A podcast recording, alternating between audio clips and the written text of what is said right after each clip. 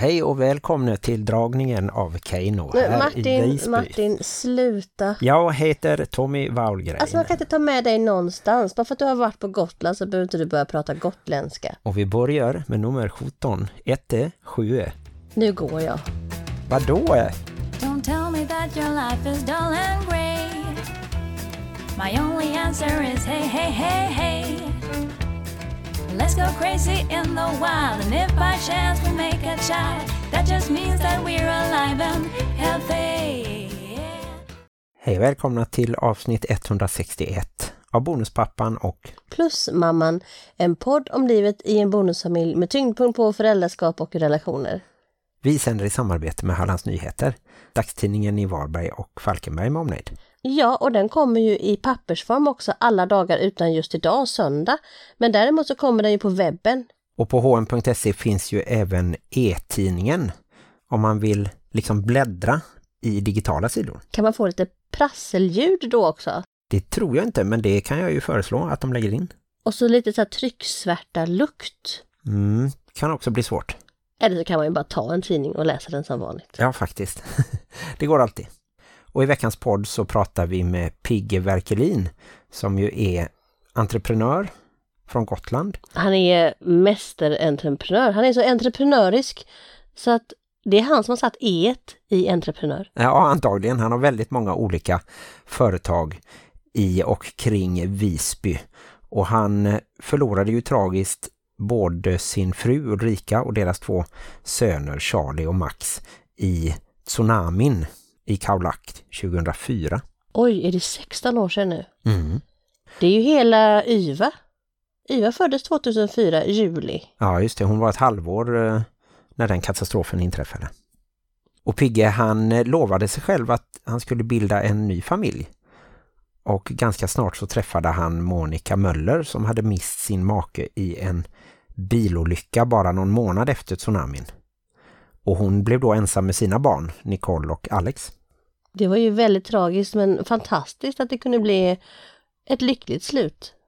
Ja, de har gift sig och de har ju två gemensamma döttrar då. Och det ska Pigge berätta lite också om hur han har varit som bonuspappa. Mm. Men först så tar vi väl lite om veckan som har gått i våran bonusfamilj. Och det är ju det som vi förr i tiden kallade för barnlösa veckan men som numera går under namnet Helleveckan. The Hell Week.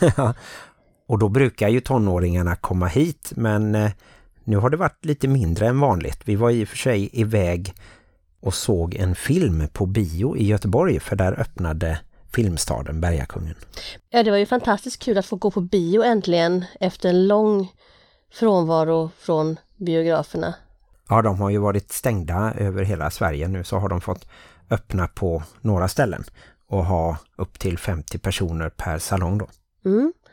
Det är lite lustigt att du tycker att vi har haft mindre kontakt med barnen den här veckan men om man kollar efter så är det nog inte riktigt sant för att vi har varit och grillat med Saga och Helle och Lars och Marie och sen har ju jag och Saga och Helle varit och badat och sen var ju Yva med oss på jordgubbscaféet när vi åkte dit. Ja, det är kanske det att Lycke inte har varit här och inte sovit över med sin flickvän. Kanske är det Tess som vi saknar egentligen. Ja, just det. Som gör att det känns lite tomt. Tess, vi saknar dig. Och du är också vårt enda barn som lyssnar på podden. Ja, just det. Vi såg i alla fall Bad Boys for Life. En eh, uppföljare, actionkomedi får man väl kalla det. Ja, där på bion ja. Mm. Är du tillbaka där nu igen? Ja, jag tänkte att folk kanske är nyfikna på vad vi såg. Det fanns ju inte så många filmer att välja på. Men den var helt okej faktiskt. Will Smith är en mycket välbevarad man. Ja, hur gammal kan han vara? Jag tror han är över 50 i alla fall, men han Mm. är nog inte över 60. Nej, det tror jag också. Ja, det har blivit en hel del eh, cykling och bad. Det har ju varit fruktansvärt varmt här sista... Men säg inte fruktansvärt. Helle har också gnällt lite över värmen och jag har försökt säga så här. Tänk om det hade varit att vi var utomlands. Då hade det ju varit så här varmt och skönt och vi hade tyckt att det var underbart härligt. Men bara för att vi är hemma i Varberg så tycker vi Åh, det är klibbigt och det är blött och det är varmt. Jag tycker vi är bortskämda. Ja, man ska absolut inte klaga när det blir tropiskt väder i lilla Varberg. Ja, och det är fullknökat på stranden. Alla har glömt vad corona heter. Mm. Det var faktiskt lite svårt att hitta en gräsplätt som var ledig. På tal om någonting som vi har gjort som vi inte har gjort på länge så har vi också varit på konsert. Just det, de började nu med eh, konserter också då för lite färre åskådare, 45 stycken kanske i Varbergs teater. Det är kommunen som arrangerar. Det brukar vara utomhus i Societetsparken. Men då såg vi eh, Fyr Brillen, den studentikosa kvartetten från Hissingen i Göteborg. Mm, det är alltid en nära döden upplevelse. Nej, jag menar det är alltid en trevlig upplevelse. Däremot så sjunger de om en nära döden upplevelse i sin låt 10 timmar i Ullared. Gillar ni eh, GKs och Ullared så kan ni lyssna på den, finns säkert på Spotify. Jag tycker att det är mer så som de beskriver det, att det är ett öde värre än döden att behöva vara på GKs. Men vi har ju varit på GKs en sväng. Det var också denna veckan tror jag. Ja, jag hittade ett par byxor och ett par shorts bland annat. Det var tur för dig för att jag rev ju sönder ett par av dina shorts. Ja, du tyckte ju att de hade börjat falla sönder lite och det hade de ju. Men då gjorde du ju hålen väldigt mycket större. Men det är att, ju enda chansen för mig att bli av med dina kläder. Annars så bara viker du ihop dem, lägger dem någonstans och sen så kommer de tillbaka som spöken från andra sidan. Ja, lite grann är det nog så tyvärr. Jag har svårt att slänga kläder. Har det hänt någonting bonusfamiljsaktigt i vår bonusfamilj den här veckan? Något som har med bonusfamiljer att göra? Nej, inte något direkt sådär som jag kommer på något problem eller någon diskussion eller sådär. Men om vi räknar in Kevin, din tidigare bonusson, så har vi ju fått klart nu med lägenheten som han och hans mamma ska bo i. De flyttar ner om en månad så vi ska väl få nycklarna och börja ställa dit lite grejer som är kvar hos oss. Herregud, är det bara en månad kvar? Ja. Det känns som det var länge sedan när det började pratas om det i april. Mm, mm. Det var ju nästan innan corona. Ja, Så att det är ett helt liv, ett helt pandeliv sen. pandeliv, det var ett roligt ord. Ja, jag tycker att man ska utöka ordförråden och det har vi också pratat om den här veckan på vår bonusfamiljsdiskussionsgrupp som vi har på Facebook. Att vi behöver utöka orden som har med människor som lever i bonusfamilj att göra. Jag tror att det kommer komma. Förr eller senare så dyker det upp som att det är svårt att veta vad man ska kalla en bonuspappa eller en bonusmamma. Det är ju så långt. Ja, Där, om man är på stranden och så ska man ropa, då man eh, ett bonusbarn bara Bonuspappa! Det säger man ju inte direkt. nej då ropar man väl namnet. Ja, men Helle och jag har jobbat lite på ifall vi ska hitta någonting som man kan säga istället. Hon har ju tyckt att man ska kalla det för BP Ja, och jag har föreslagit Bappa, ja just det. bonuspappa. Och då var det någon i gruppen som föreslog Boppa. Vad tycker du om Boppa? Då tänker jag ju bara på bop, alltså eh, Bebop? bebop, jazzmusiken bop. Ja, det kanske du hade gillat. Ja, men undrar om det finns något annat. Boppa. Jag tycker bappa låter mer som en pappa fast något annat. Eller som Baba, som man kan säga till pappa i Albanien. Ja, just det. Det är albanska, det har vi lärt oss av en grannflicka här. Mm. Jag satsar på Bappa framöver. Kan vi se, om ni kommer på någonting bättre så kan ni gå in på Facebook och leta upp vår diskussionsgrupp där och komma med ett inlägg i orddebatten. Fram för nya fräscha ord. Ja, Bonusfamiljernas diskussionsgrupp på Facebook. Och så har ju podden en sida också som heter Bonuspappan och Plusmamman. Men nu kommer en intervju i den här podden med Piggipappan Verkelin. Just det, och den fick vi ju göra alldeles live eftersom vi vågade åka iväg till Gotland för några veckor sedan. Ja, det var ju också en nära döden upplevelse. Jag satte ju i halsen när jag skulle dricka vatten och fick en hostattack och tänkte att nu kastar de av mig. Och ju mer jag försökte och inte hosta, ju värre blev det ju. Det var lite spännande faktiskt.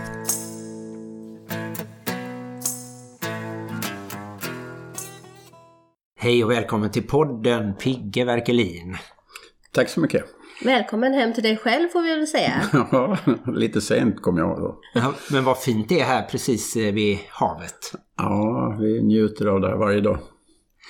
Och du är ju från eh, Gotland, eh, det lär ju lyssnarna höra på dialekten tror jag. Ja, jag är faktiskt född och uppväxt eh, i samma lilla håla som eh, Bursvik heter den, där man spelar in där Så mycket bättre. Ja, just det, just det. Och hur växte du upp? Var det i en kärnfamilj? Absolut, det var... Eh, två hårt jobbande föräldrar och eh, farsan var ju inte så närvarande men, men mamma var väldigt närvarande och ändå en otroligt duktig entreprenör som eh, stod på väldigt mycket men det fanns alltid tid för oss. Och du hade syskon? Ja, två syskon. Mm. Och kallades du Pigge redan som liten? Nej, det kom efter att um, vi spelade landhockey på den tiden. Och då hade man eh, dubbelnisse. Det var 60-talets Forsberg, Foppa. Han gjorde sista målet mot Kanada där. 5-2. Pucken glider in i mål, vet jag. Nisse Nilsson. Var det Nisse? Ja. ja. ja. Han spelade Leksand i alla fall. Och eh, jag fick ingen dubbelnisseklubba utan jag fick en piggeklubba från EPA. För min morfar var chef på EPA. Aha. Och sen kan ni förstå vad som hände. Ja, ja, ja, just det. Så då blev det inte stickan eller något nej, liknande. Nej, Pigge blev det. Ja. Och vi vill ju prata lite om din roll i din familj som du har nu och eh, lite om bonusfamilj och sådär. Men för att förstå allt så behöver vi ju backa tillbaka till 2004 eh, mm. till tsunamin i Thailand. Ni hade väl precis kommit ner eh, i princip till Khao Lak när det hände? Ja, vi, hade ju, vi började i Hoa In och var väl där en vecka eller så. Och uh, vi åkte ju ner på natten, åkte vi taxi ner till Khao Lak. Kom fram på morgonen vid 6-7 tiden någonting. Och kom till vårt hotell som låg ganska högt upp på en, en bergknalle liksom. Och så var det en balkong med för låga räcken så vi fick inte flytta in men vi kunde gå och titta på lägenheten. Och då tyckte jag att det där kändes inte bra för att killarna var ju så där i den där klättringsåldern att det skulle lätt vara att de klättrade upp på den där. Och... Så vi åkte ner på stranden och hittade det här guldstället som vi tyckte var en liten familj som precis hade byggt en, en bungalow. Så vi sa vi, vi flyttar hit istället. Och det var ju din fru och två barn som var med då? Ja. Och eh, Ulrika som då var med, hon, eh, hon åkte upp till hotellet och hämtade våra väskor. För vi hade bara åkt iväg utan allting. Och kom tillbaka ganska snabbt. Och som hon då så här, frågade om du löste det med pengar och hon bara skrattade och sa att det tar vi en annan tillfälle. Utan. Mm. Och sen var det tio minuter, det var en kvart, 20 minuter till, sen kom den där. Sen kom vågen, Ja. eller vågen, eller vattnet. Mm, mm. Är det jobbigt att tänka tillbaka? Hamnar du där eller har du kunnat bearbeta det? Man jag har ju bearbetat det så mycket så att det där är inget, inget konst. Det har ju liksom saker som har hänt är ju... Ja, det har redan passerat på något vis. Jag är rätt mycket bakåt i tiden och jag är väldigt mycket framåt i tiden. Och jag önskar att jag var lite mer här och nu som min fru är. Men hon står för det väldigt mycket och Mm, eh, mm. det är jag väldigt avundsjuk på. Men du lyckades ta dig upp på taket och upp i något träd eller något sånt? Ja, de sprang upp på ett, ett hus på andra våningen och tyckte att jag skulle komma upp. Jag stod kvar nere och filmade för jag tyckte att det här var ju spännande. Man såg ju först försvann vattnet, sen kom det en massa vatten. Mm. Och så såg jag att det här blev ju liksom farligt och till slut så gick ju vattnet flera meter ovanför det där huset. Och egentligen så, så sprängdes huset och vi for iväg. Och Tack vare att jag eh, är duktig simmare och vattenvan så överlevde jag det där. För jag hamnade i lite situationer där jag liksom... Man kunde inte göra speciellt mycket. Det var enorma forsar på det där. Men jag valde några gånger att gå ner istället för att gå upp. Och det var rädda mig. Jag försökte gå upp för det var, det var, som, en, det var som ett tak ovanpå. Så det gick inte att komma upp där. Så då gick jag ner ett par gånger och så kom jag upp till slut. Mm, mm, Det hade aldrig funkat om jag inte var så vattenvan som jag är. mm. Och sen blev du ju känd just för din kamp att hitta Ulrika och, och Charlie och Max och, och ta hand om, om det som fanns kvar av dem då. Ja. Ja, det var ju någonstans en mission. Jag såg ju hur stort och omöjligt det där var. Och då ville jag, eh, jag ville hitta dem innan jag åkte hem. Och de ville ju, myndigheterna ville att vi skulle åka hem alla liksom. Och de hotade med allt möjligt. Att vi skulle inte kunna komma hem och vi skulle få betala själva och det var allt möjligt. Men eh, för mig var det viktigt att hitta familjen. Det var liksom, det skulle bara på Mm, något vis avslutas där nere. Så du tog lite ett avsked redan då och kunde på något sätt påbörja en fortsättning av livet kanske tidigare än, än vissa andra då? Ja, jag tror att det är så här, om, man är, om man är i en sån här grej, det var ju nästan en månads tid så letade jag efter min familj, jag hittar dem, jag kremerar dem och vi bearbetar det genom att vara i det hela tiden. Och jag visste vad alla, alla moment hade varit och hur det blev och så vidare. Så det fanns inga frågetecken och det har jag hört på många andra som det var frågetecken efteråt. Mm, Och det var nog mitt sätt att bearbeta det där. Och, och det var otroligt intensivt, eh, vilket har det varit hela tiden i mitt liv. Även när jag hittade fru så var det intensivt liksom. Och det där är ingenting sånt där som man skulle rekommendera till någon och säga att det är så här man gör. Men det passade mig och mitt lynne liksom. Och det där tror jag är viktigt att säga att man vill gärna hitta ett svar på vad som är rätt och fel. Men det är väldigt få saker som är helt rätt och det är väldigt få saker som är helt fel. Så att man kan göra det mesta på sitt sätt. Mm. Hur tidigt visste du att du ville ha en ny familj och hur tidigt visste du att Monica skulle vara den du bildade familj med? För mig var det viktigt redan ifrån när jag förstod att de var döda, vilket jag utgick ifrån en timme efter att, att det här hade, så pratade jag med, med mina medsystrar och bröder där nere om att, att de var döda. Och det var på ett sätt var det för att det inte skulle kunna bli värre. Mm. Jag ville liksom lägga det lägsta nivån men jag var no några dagar efteråt så, så kremerade vi Ulrika i, i Bangkok. Och eh, det sista man gjorde innan jag knuffade in henne i den här ugnen så uh, sa jag det att jag ska skaffa en ny familj. Och det var liksom på något vis att det kändes viktigt och ärligt och rätt då. Och sen dess så har jag liksom så såg jag det att jag ska leva i en familj för jag är en familjefarsa. Mm. Visste du inom dig också att hon ville det? Ja, det visste jag väl egentligen. Det var bara att när vi, vi pratade om döden vid något tillfälle och eh, hennes eh, kommentar det var liksom där om någon av oss dör då flyttar jag tillbaka till Göteborg och köper hund som. och det var ju liksom, det är ungefär så som vi behandlar döden. Vi försöker skämta bort den, vi pratar inte om det på riktigt. Och jag brukar säga, jag tycker att man ska titta på varandra och säga det liksom. Att om jag dör så tycker jag verkligen du ska träffa någon annan och ha en, en bra tid. Vi lever ju mm. inte så länge men då måste man se till att ha det bra. Och det där ska man väl haft uttalat. Jag, jag vet ju att hon hade tyckt det men hon sa det aldrig. Nej. Det är ju ett bra tips i sig att kunna prata om döden och prata om hur man vill ha sin begravning och hur man... Det gör vi kanske sällan. Som svenskar i alla fall pratar vi inte om döden. Jag och mina syskon, vi bjöd ut våra föräldrar för en tio år sedan. Och så fick de ett diplom som föräldrar att de var testade och godkända. Så att de fick, de fick godkänt.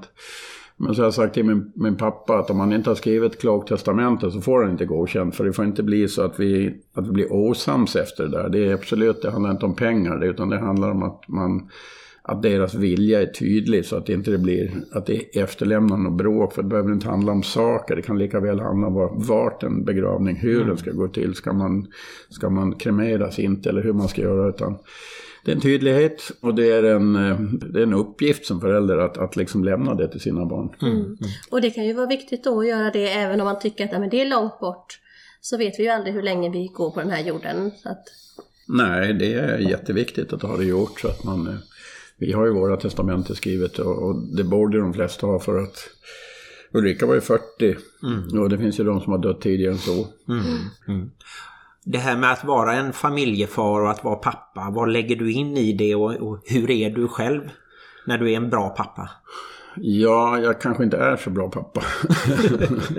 För jag lägger väldigt mycket ansvar på Monica, eller vår uppgörelse är på det viset. Monica har inte, hon jobbar hon kanske jobbar 20-30 procent och jag jobbar mer än 100 procent. Mm.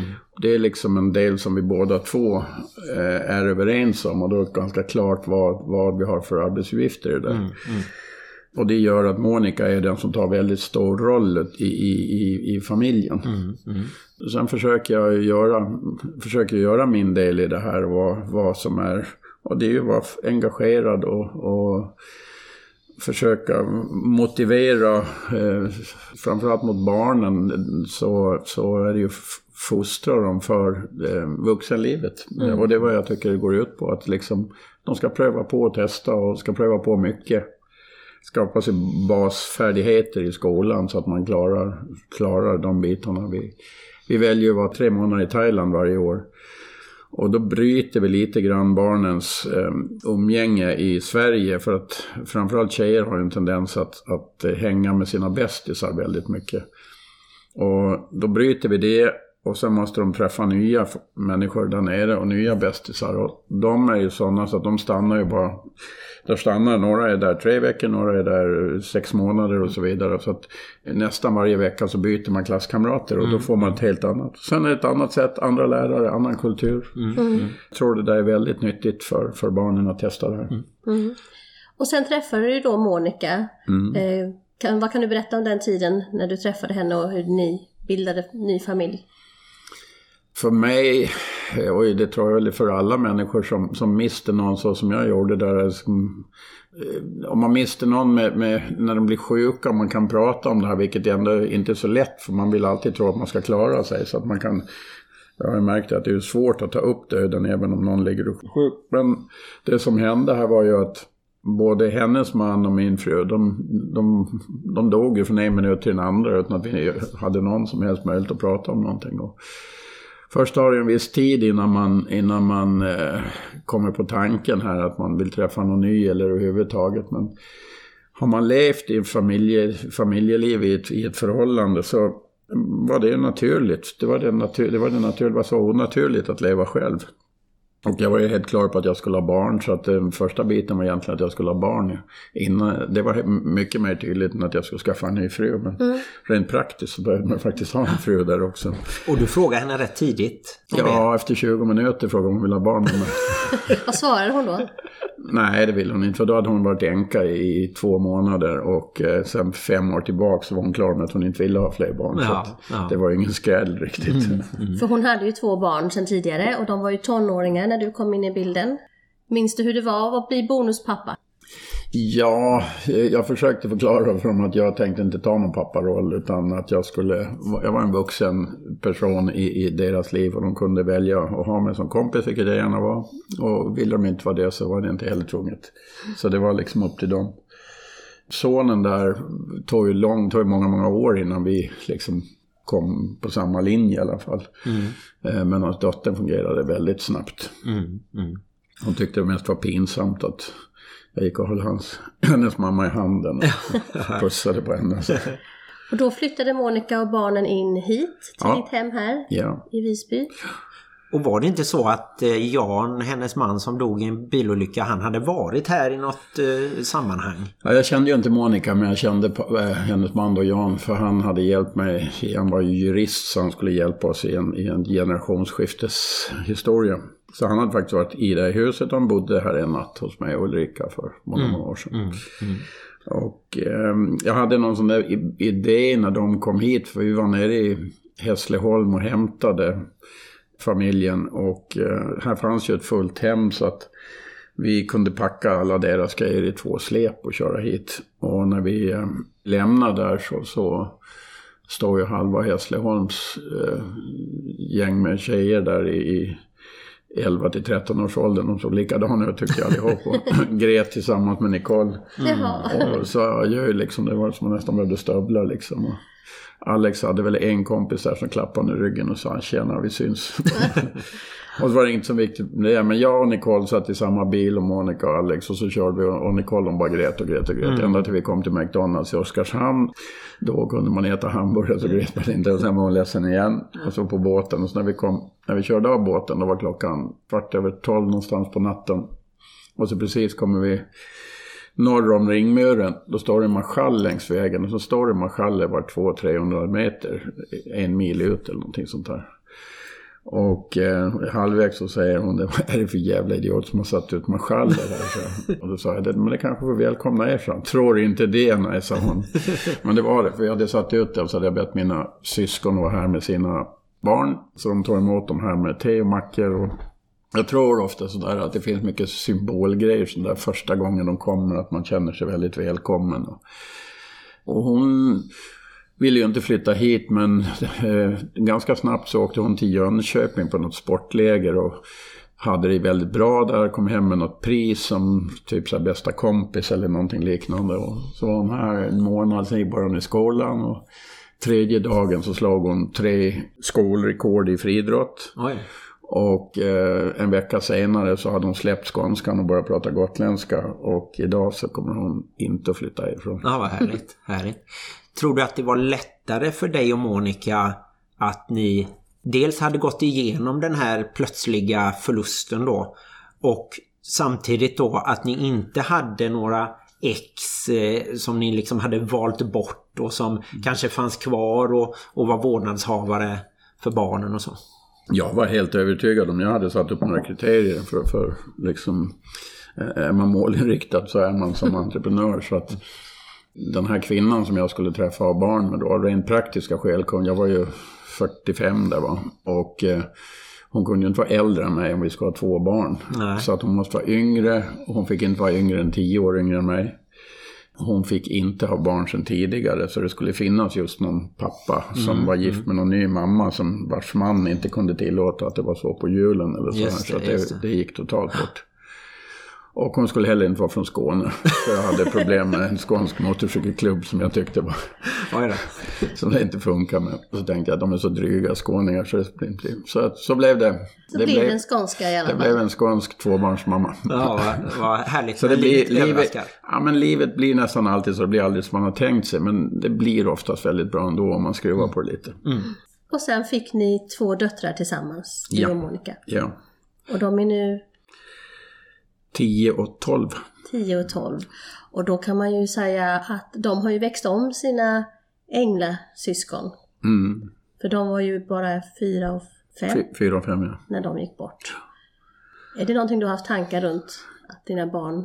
Ja, det, det, var, det, var, det var ett problem ifrån början att jag hade massa olika sådana saker så jag ville fråga någon om. Om man ville egentligen att det skulle finnas svar på det men jo, det här jag funderade på det var att hur blir det nu med killarna? Kommer man att fortsätta och säga att de eh, blir äldre och fyller år och en dag är 18 år med basröst och skulle ha körkort och så vidare? Eller är de kvar som 4 och 5? Och det där var ett stort problem tills jag bestämde mig. Jag pratade med en massa som hade förlorat sina barn och en del hade gjort si, en del hade gjort så. Men då visste jag i alla fall att, och så hade jag bestämt mitt regelverk. Och så tycker jag att det är mycket. Man får bestämma sitt regelverk och det är lika bra som någon annans. Men det får man ha, man, har, man får ha förståelse och respekt för att vi, har, vi, vi tänker lite olika. Och hur eh, finns de med er i vardagen? Och, och Ulrika och Jan och så eh, på högtider till exempel. eh, Är de med er lite mer? Och... Mm, Nej, det är deras årsdagar liksom sådär vi, som lite mer. Men annars, alltså, vi har ju fullt av bilder i huset på de här. Det pratas om dem ibland. Tjejerna bor i killarnas rum så att de kommer upp på lite olika sätt. Inte som, det blir mindre och mindre, men tidigare var det ju mycket mer utav det där. Det har ju gått rätt lång tid nu också så att det... Och det är ju så här, man säger, eh, tiden leker alla sår och i mitt fall är det i alla fall så att med tiden så har det lekt och så verkar med de flesta att ja, man trodde inte var möjligt men det tar en tid och tidens tand på något vis tuggar på och det händer grejer och man fortsätter som, och om man vill och har man bestämt sig för att, det inte, att man inte vill, ja men då kommer det aldrig att gå heller. Men om man vill försöka gå vidare så kommer det alltid att gå. Eh, så är vi konstruerade i våra kroppar och huvuden allting att så här har det varit i årtusenden att män har dött, kvinnor har dött, barn har dött. Men man har gått vidare. Förr var det en överlevnadsfråga om man inte var två. Nu, nu är det inte riktigt på det sättet, men, men det är ett sätt att leva. Och sen kan man välja, men man ska inte, man ska inte av skam eller någonting annat säga att jag kan inte, jag kan inte träffa någon annan för det skulle folk inte tycka var rätt. Utan det är bara vad man själv tycker är rätt som är riktigt. Har ni mött några förvånade eller eh, så att säga ifrågasättande kommentarer att ni träffades eh, så pass nära inpå att, att ni blev ensamma? Kanske inte just att vi träffades. Jag, har ju, jag fick ju höra rätt mycket mitt sätt att agera. När jag, jag sa ju tidigt läge att jag skulle ha nya barn och ny fru. Och jag blev rätt medial för att jag tog hjälp av media för att hitta min familj. Och då hade jag liksom kastat stenen på något vis, eller rullat igång en snöboll som inte gick att stoppa sen när inte jag kunde ha nytta av dem längre. Utan då blev jag ju fortfarande någon form av mediafigur där. Och, och det jag gärna gör i det där, då vill jag prata om det här, hur man hamnar i den här situationen, hur man kan tackla den. Som, ska vi då prata om det här, då ska vi prata om det, ska hjälpa andra människor. Och det finns inga riktiga regler, utan man får göra lite grann som man vill som känns rätt. Men jag rekommenderar de flesta att prata med, prata med andra. Men det var många som brydde sig under den här tiden. Jag, jag bröt väl en del tabuer genom att säga att jag skulle gå vidare att jag ska ha en ny familj. Och det var människor som menar på att man, man måste vänta ett helt år innan man kan träffa någon. Man ska gå igenom alla högtider och så vidare och så vidare. Det där tror jag, jag kallar det för Åsa-Nisse-syndromet. Och det, vi som såg Åsa-Nisse eller Hemsöborna kan komma ihåg att på de filmerna kunde man se en änka eller en enkling. För de såg verkligen, hon hade flor och han hade svarta kläder och plommonstop.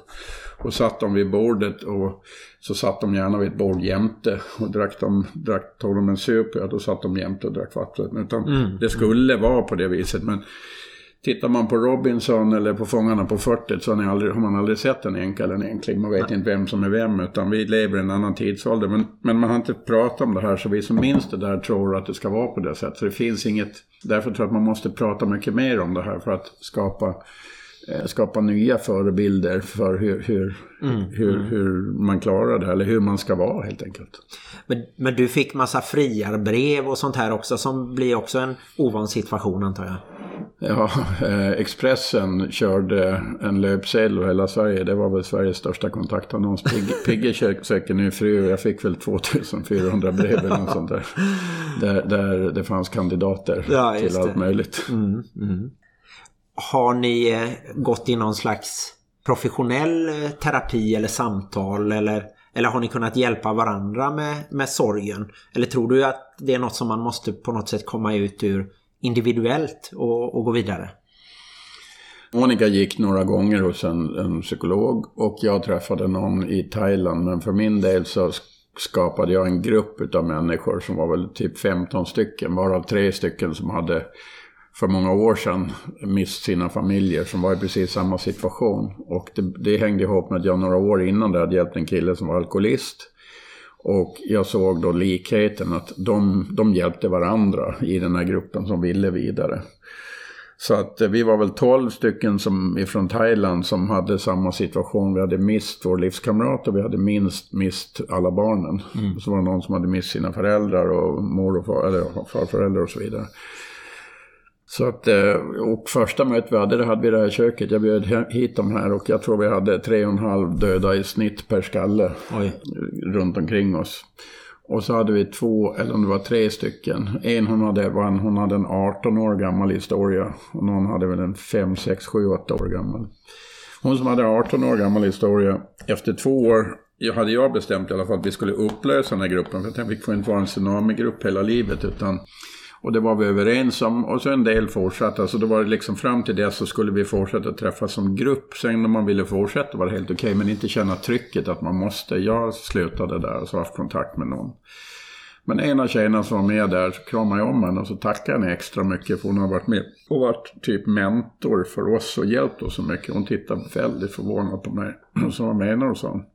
Ja men att du liksom har ställt upp och berättat och liksom hjälpt oss igenom det här. Och då säger hon det att Alltså jag har inte sett det så, sa hon. Jag har inte haft någon att prata om det här på 18 år liksom. Oj. Som har varit i samma situation. Och nu fick jag det. Så hon, hon hade fått samma hjälp som vi hade fått.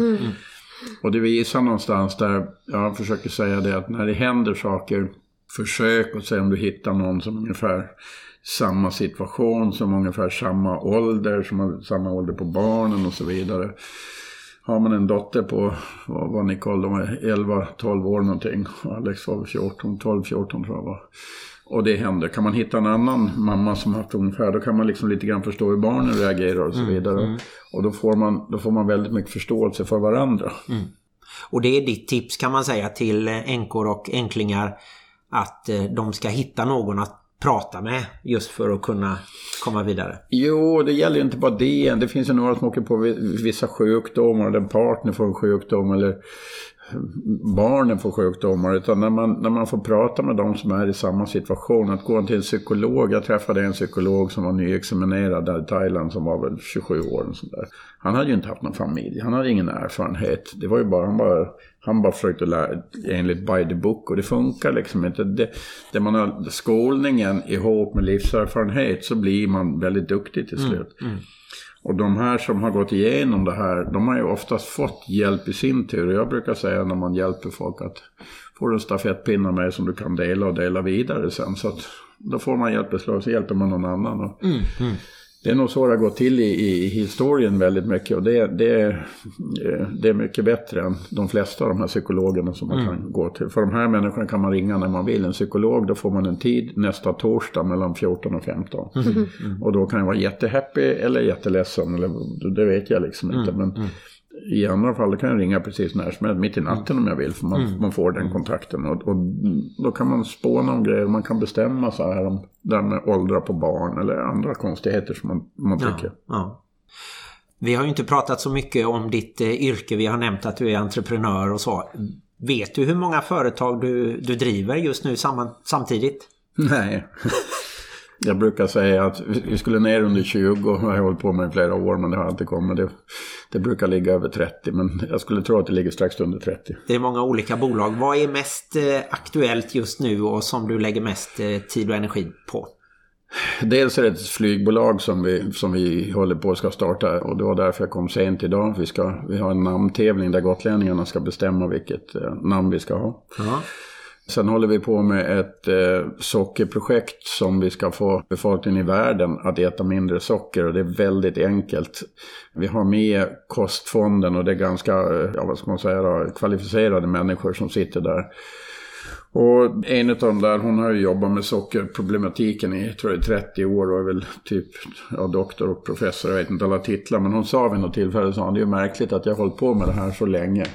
Och ändå inte lyckas nå ut. Och så hittar du på fyra färger. Och på så sätt så får man allt, får man liksom ramla på lätten in. Och det bygger egentligen på att på på mathyllorna så kommer det finnas fyra färgning, färger, grönt, gult, rött och svart.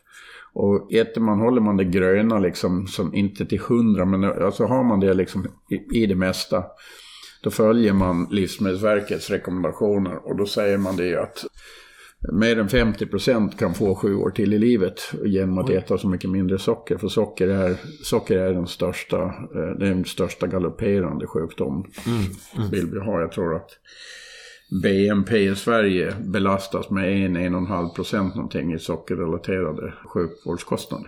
Det är diabetes och övervikt och allt möjligt. Ja, som, hjärt, eh, hjärt, hjärtproblem och allt sånt här som kommer utav det. Spännande. Det vill vi ju veta mer om. Och vill man veta mer om dig, vad tycker du att man ska gå in på Pigge-bloggen till exempel?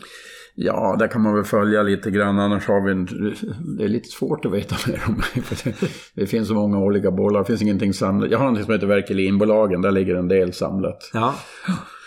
Och finns du även i, i sociala medier och är du aktiv där? Facebook ja? Facebook finns jag på och eh, sen har vi, vi håller ju på, vi, vi har ju byggt väldigt mycket sån här, eh, kallas för drömstugan, det är stugor som ligger vid havet. Så vi håller på och säljer sådana här stugor som är byggda på campingar och när man inte är på plats så hyrs de ut. Så det är ju en förening som sköter om det. Och ekonomin är väldigt smart i det där på det sättet att kan man lämna ifrån sig fem, sex sommarveckor där så har man en, då har man en kostnad på på mellan 1000 och 2000 kronor i månaden för att äga en sån här stuga som man i princip övrigt kan utnyttja mycket som helst. Härligt, härligt. Tack så mycket för att vi fick eh, komma hem till dig och prata bonusfamilj och eh, annat. Ja, Tack så mycket. Tack. Tack.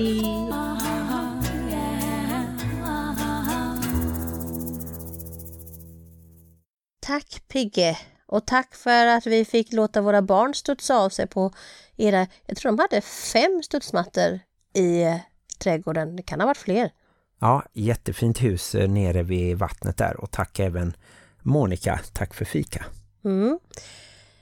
Tänker du att det kan vara annorlunda att bilda ny familj efter ett dödsfall om man jämför med som bara en skilsmässa? Ja, men det tror jag. Det blir väl eh, både fördelar och nackdelar skulle jag kunna tänka mig. Jag tror att Pigge nämnde någonting eh, om det också där, att det kanske hade varit svårare för honom om Monikas man hade levt, om barnen hade haft sin biologiska pappa i livet då. Ja, som en klassisk bonusfamilj. Ja, så att eh, möjligen är det lättare då för den som blir bonuspappa om det inte finns en biologisk pappa. Mm. Sen kan man ju se det så här då att om man blir tillsammans med någon vars partner har gått bort så har han eller hon ju inte lämnat den partnern utan de har ju liksom skilts åt av döden. Det kan ju också kännas lite sådär om man eh, har läggning för att vara lite svartsjuk eller ha osäkerhet på sitt eget värde och så att, Att det kan vara lite som att man har med sig, det är inte ens ett ex utan hans eller hennes enka enke man som ett litet spöke där att älskade han henne mer eller tänker hon fortfarande på honom och lite Ja. sådär tänkte jag. Ja, absolut. Det tror jag nog att det är en av nackdelarna om man ska se det nu som en eh, nackdel då. Dels är det ju en sorg som finns både hos eh, föräldern som är kvar och hos eventuella barn. Men sen just det också att man inte har valt att skiljas och då blir det som att man kanske har två kärlekar parallellt men att den ena bara är ett minne och det kan ju bli så att man tänker att den relationen, att man minns alla de goda stunderna. Och sen då om man jämför med det vardagliga gnabbet som kanske alla har och så har man glömt av att man faktiskt hade det i sin tidigare relation också. Mm, precis, Och det att har du rätt i. personen kanske sätts på en piedestal nästan och så. Det kan vara svårt att konkurrera med som levande, att konkurrera med en bortgången mamma eller pappa. Sen tänker jag på det här också att man kanske behåller minnet på ett mer eh, påtagligt sätt. Det kan ju vara fotografier, filmer, högtider, födelsedagar och sånt som man kanske på ett annat sätt när någon då har gått bort behåller. Det är inte så att jag firar min exmans födelsedag varje år. Nej, och det kanske man hade gjort då om det var en eh, bortgången partner istället. Jag vet i alla fall att eh, Pigge firar ju sina barn. Eller de pratar ju om att barnen finns kvar liksom i familjen. Även om de omkom i tsunamin. Mm. Och det kan ju också vara känsligare som du sa innan att ifall det finns barn som då har förlorat en förälder och så får de en ny bonusförälder. Det kan ju vara ett steg ännu svårare där att, om man ska säga, inte konkurrera men det är det bästa ordet jag kan komma på med en förälder som inte längre finns i livet. Mm. Vi har ju gjort en intervju tidigare med Beatrice Ammer som eh, förlorade sin man. De fick väl cancer båda två men hon överlevde. Mm, det var en stark berättelse faktiskt. Och jag kan berätta att Beatrice numera har träffat någon. Ja, vad spännande. Så det gratulerar vi till härifrån och så hoppas jag att vi kanske kan få ha med dem i podden en dag. Vem vet? Nej, det hoppas vi och ni som är nyfikna kan lyssna på avsnitt 138. Jag kom på en annan sak som kan vara lite knepigt när man då ska bilda en ny familj när någon har då gått bort och det finns barn med i bilden. Och det är ju att, som jag tänker med din bror, hans fru har ju gått bort och så har de tre barn tillsammans. Mm. Och när din bror firar sina barns födelsedagar, då bjuder han ju in, ganska självklart, mormor och morfar då och släkt, kusiner och sånt. Och jag tänker att ifall det då hade kommit in en ny kvinna i bilden, att det hade kanske känts lite konstigt. Ja, just det. Och då har ju hon kanske barn som också ska vara med på firandet och möjligen till och med hennes föräldrar då. Mm. Men det gäller ju som med mycket annat, att man är öppen, lyhörd och inkännande helt enkelt. Att man kanske lägger sina egna känslor lite åt sidan och försöker sätta sig in i hur det kan vara för de andra. Men sen också att man har en dialog runt det. När det känns bra och när det inte känns bra. Man kan prata om det. För det är ju känsliga saker. Ja, och man ska ju inte känna en press att alla lär känna varandra lika bra i en utökad bonusfamilj. Det kanske blir så när det finns bonusrelationer och olika typer av kusiner att eh, man kan förvänta sig att man kan träffas några gånger per år och man kan ha roligt och så men att man kanske inte sen håller kontakten och blir nära vänner. Har du någon mer tanke på vad som skulle vara skillnaden mellan att bilda bonusfamilj efter en skilsmälla eller efter ett dödsfall?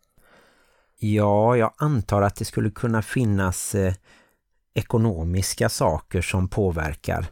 Om någon dör i ung ålder så kan man ju få olika typer av efterlevnadsstöd både som eh, partner eller maka, make och även barnen. Och då om man får nya barn så gäller kanske olika regler. Jag är inte så bra på det där juridiska men jag antar att eh, till exempel om man får enkepension som det kallas eller motsvarande för män så försvinner den om man gifter sig. Och då kanske man väljer att bo ihop utan att gifta sig tills det stödet då, det bidraget har försvunnit. Det finns ju sådana grejer som kan påverka vet jag. Men vad skumt, får man ändå vara sambo? För jag tänker att det är ändå samma sak. Det är lite gammeldags helt enkelt. Ja, jag vet faktiskt inte riktigt hur det räknas men eh, jag har för mig att det kan vara skillnad att eh, det i alla fall försvinner när man gifter sig. Mm. Vet du vad som också försvinner när man gifter sig? Nej, men berätta. Det tar vi en annan gång. Tydligen viljan att träna. För vi har inte tränat på år och dag, Martin. Nej, jag har ju en vilja att eh, träna ihop med dig. Och jag tränar ju lite själv, lite innebandy och så. Men eh, det har ju blivit sämre efter bröllopet faktiskt. Ja, det tycker jag. Men mycket annat har blivit bättre. Ja, men är det inte på gång en ny liten träningsperiod snart tror du? Jag vet inte. Det är så skönt att slappa. Jag har ett förslag faktiskt nu när vi har spelat in. Och det är att jag tar inlines och du tar en cykel ner till stan. För att hämta dubbelcykeln som eh, vår kompis Lars har som står i vårt garage. Ja, den bor ju i vårt garage. Och därför bor bilen just nu inte i vårt garage, stackars bilen. Ja, jag har märkt att det har kommit lite fågelbajs på den till exempel. Och eh, det tror jag att jag borde tvätta av så det inte förstör lacken. Detta är oerhört intressant för våra poddlyssnare. Men om ni vill att det ska bli intressantare så kanske ni ska skicka in lite förslag på gäster och diskussionsämnen som vi kan ha med i podden. Så slipper ni höra om Martins nerbajsade bil och sådär.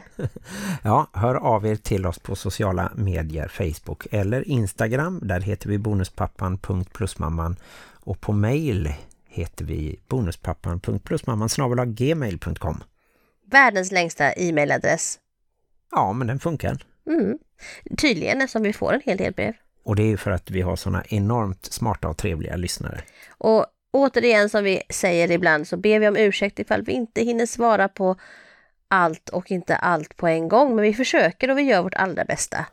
Ja, jag tycker vi är rätt duktiga på det faktiskt. Det är sällan som vi inte svarar på ett inlägg eller mejl.